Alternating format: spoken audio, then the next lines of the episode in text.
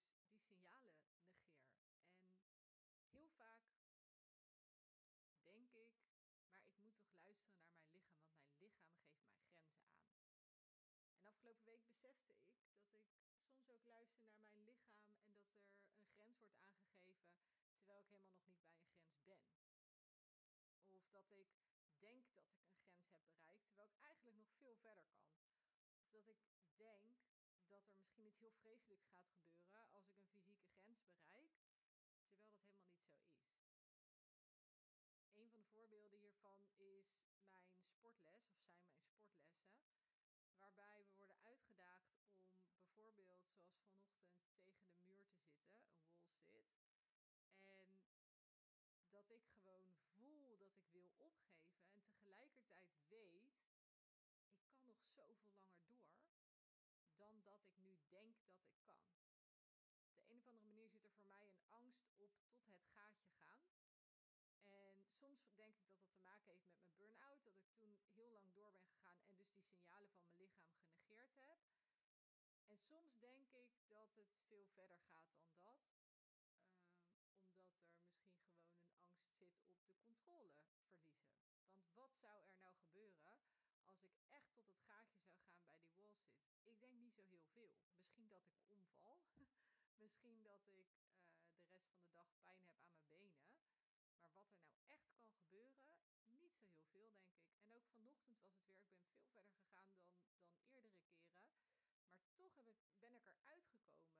En het suffe is dan, ik ben eruit gekomen door mezelf omhoog te duwen.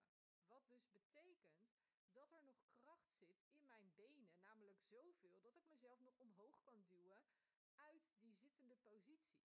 Dat betekent dus dat ik nog lang niet aan het einde ben van wat mijn benen op dat moment aankunnen.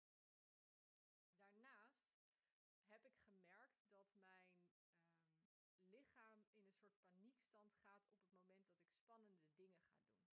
Ik heb de afgelopen uh, periode, zoals je misschien wel weet, best wel veel spannende dingen gedaan. Ik had besloten dat ik mijn bedrijf ging omgooien. Ik heb uh, besloten dat ik mijn huis ga dat ik tijdelijk of forever, dat weet ik nog niet, in mijn camper ga wonen. En daar gaan gewoon best wel veel spannende beslissingen en momenten mee gepaard. Wat er gebeurt op zo'n moment is dat mijn lijf in een soort paniekstand gaat en mij bijvoorbeeld buikpijn geeft of hoofdpijn. Soms beland ik met migraine in bed. Uh, soms zit ik uh, uren op het toilet. Soms uh, ben ik duizelig, moe. En um, al die fysieke sensaties zijn eigenlijk een signaal van oké, er gebeurt iets spannends. Hoe ik het ervaar is dat mijn ego dus eigenlijk mijn, mijn brein, mijn menselijke stuk, mij veilig wil houden. En door al deze um, lichamelijke signalen mijn kant op te gooien, kijkt van oké, hoe ver uh, kan het gaan voordat Jente denkt, oké, laat maar, ik stop wel. En op die manier houdt hij me veilig, namelijk zoals het nu al is. Als ik daarnaar geluisterd zou hebben, zou ik dus nu mijn huis niet te koop hebben gezet. Zou ik uh, niet die camper hebben gekocht? Zou ik um, allerlei, zou ik niet mijn bedrijf hebben omgegooid? Terwijl ik ook weet dat er achter zo'n besluit een groei zit die ik gewoon nog niet bevatten, die ik niet kan bedenken, vooral ook. Op het moment dat ik dus luister naar die signalen van mijn lichaam, die dus in mijn ogen vanuit mijn ego afkomstig zijn, dan blokkeer ik mezelf eigenlijk in mijn groei. Want spannende dingen doen betekent uit mijn comfortzone gaan. Uit mijn comfortzone gaan betekent groei. Even heel plat gezegd. En mijn lichaam is de makkelijkste manier om mij te laten twijfelen over: hey, moet ik dit wel doen? En op de een of andere manier zal dat een ingesleten patroon zijn.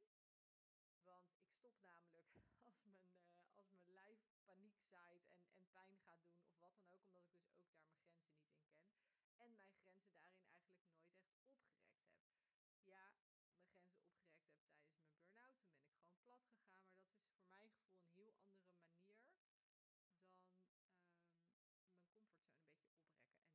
eigenlijk nooit echt opgerekt heb.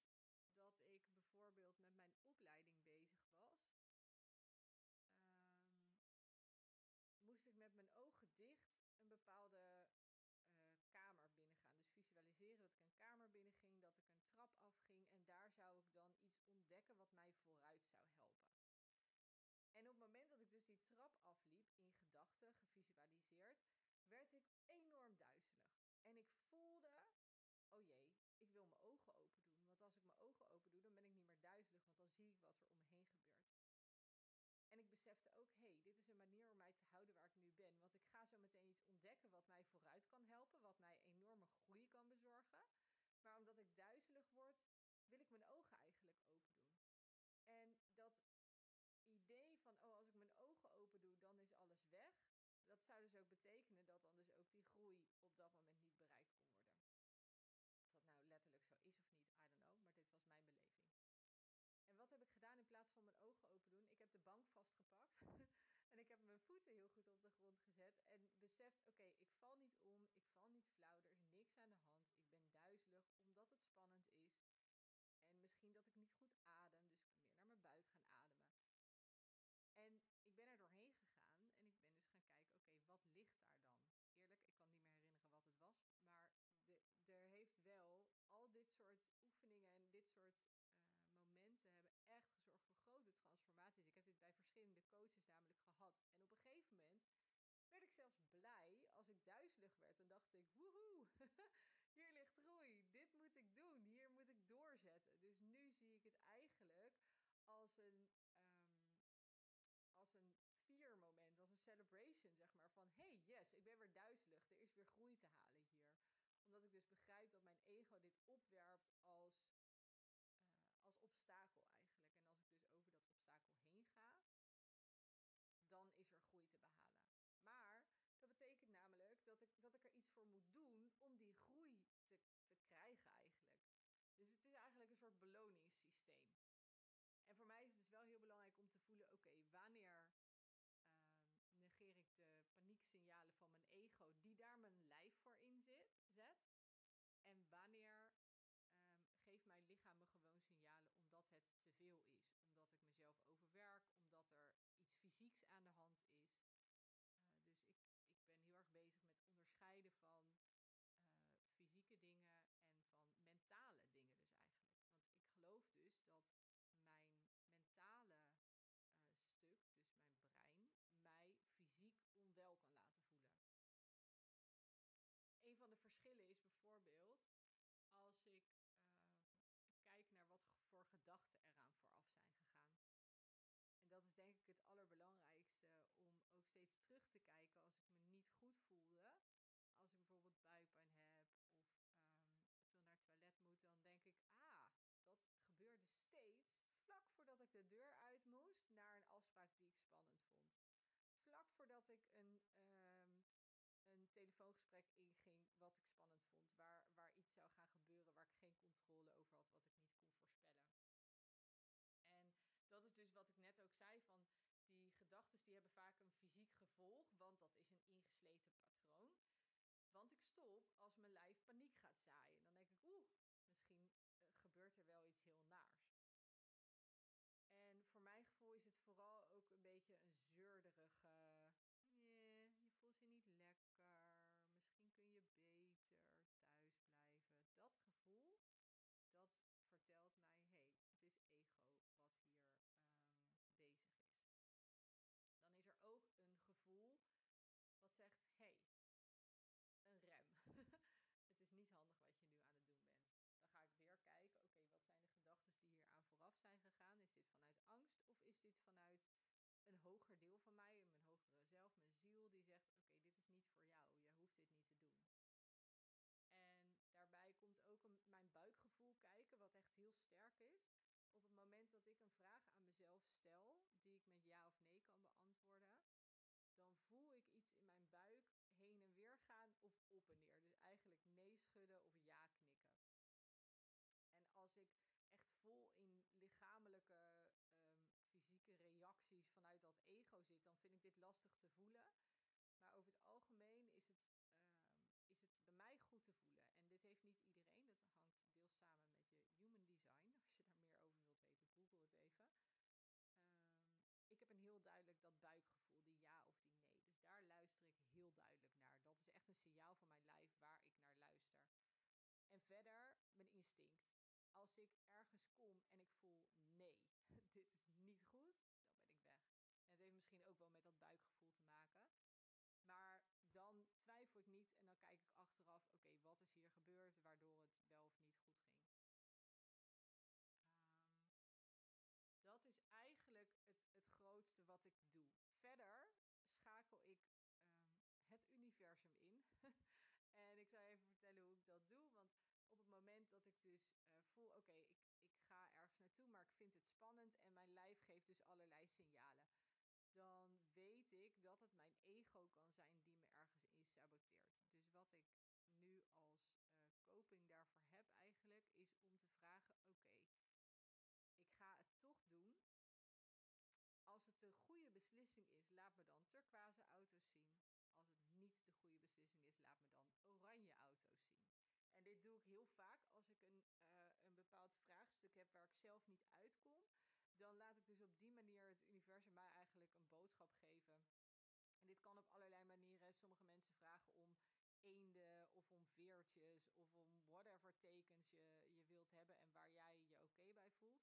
Maar voor mij zijn turquoise en oranje auto's zijn gewoon heel lekker uh, duidelijk. En dat kan dus ook zijn dat op het moment dat ik niet de deur uitga als ik dit vraag, dat ik in een um, in een advertentie bijvoorbeeld opeens een turquoise auto tegenkom. En dat, ja, nou goed, eh, je gelooft het of je gelooft het niet. En voor mij was dit echt een kwestie van uitproberen. Ik stond hier heel sceptisch tegenover in het begin. Maar ik dacht, oké, ik ga het wel gewoon proberen. En uh, soms duurt het even voordat ik die tekens krijg. En soms gaat het heel snel. Ik had bijvoorbeeld zaterdag een afspraak die ik heel spannend vond. En mijn lijf gaf me allerlei signalen en ik dacht, oh, moet ik wel gaan, moet ik wel gaan, moet ik wel gaan. Uiteindelijk dus besloten om toch te gaan, omdat ik ergens voelde, dit is niet, uh, het is niet echt wat ik voel. Ja, het was wel echt, maar het kwam vanuit dat ego dat gewoon bang was, dat het spannend vond. En toen heb ik dus gevraagd om turquoise auto's als het oké was en om oranje auto's als ik uh, terug naar huis moest gaan. En op weg naar het station kwam ik een turquoise auto tegen ja, dan weet ik, het is goed. En de spanning was ook direct weg daarna. En, en de fysieke sensaties die in mijn lijf zaten, waren ook direct weg daarna. Uh, gewoon puur omdat ik dus eventjes een soort omweggetje heb genomen buiten mijn lijf. Buiten die kan ontstaan en buiten die gedachtes. Dat ik gewoon iemand van buiten om hulp vraag. Iemand, iets, hoe je het dan ook ziet. Um, ik ben benieuwd wat jij hier uithaalt en op wat voor manier jouw lijf jouw signalen geeft. Hoe je er naar luistert, of je er überhaupt naar luistert. Want daar, we zijn natuurlijk heel goed hè, in ons hoofd leidinggevende maken. En niet naar ons lichaam te luisteren.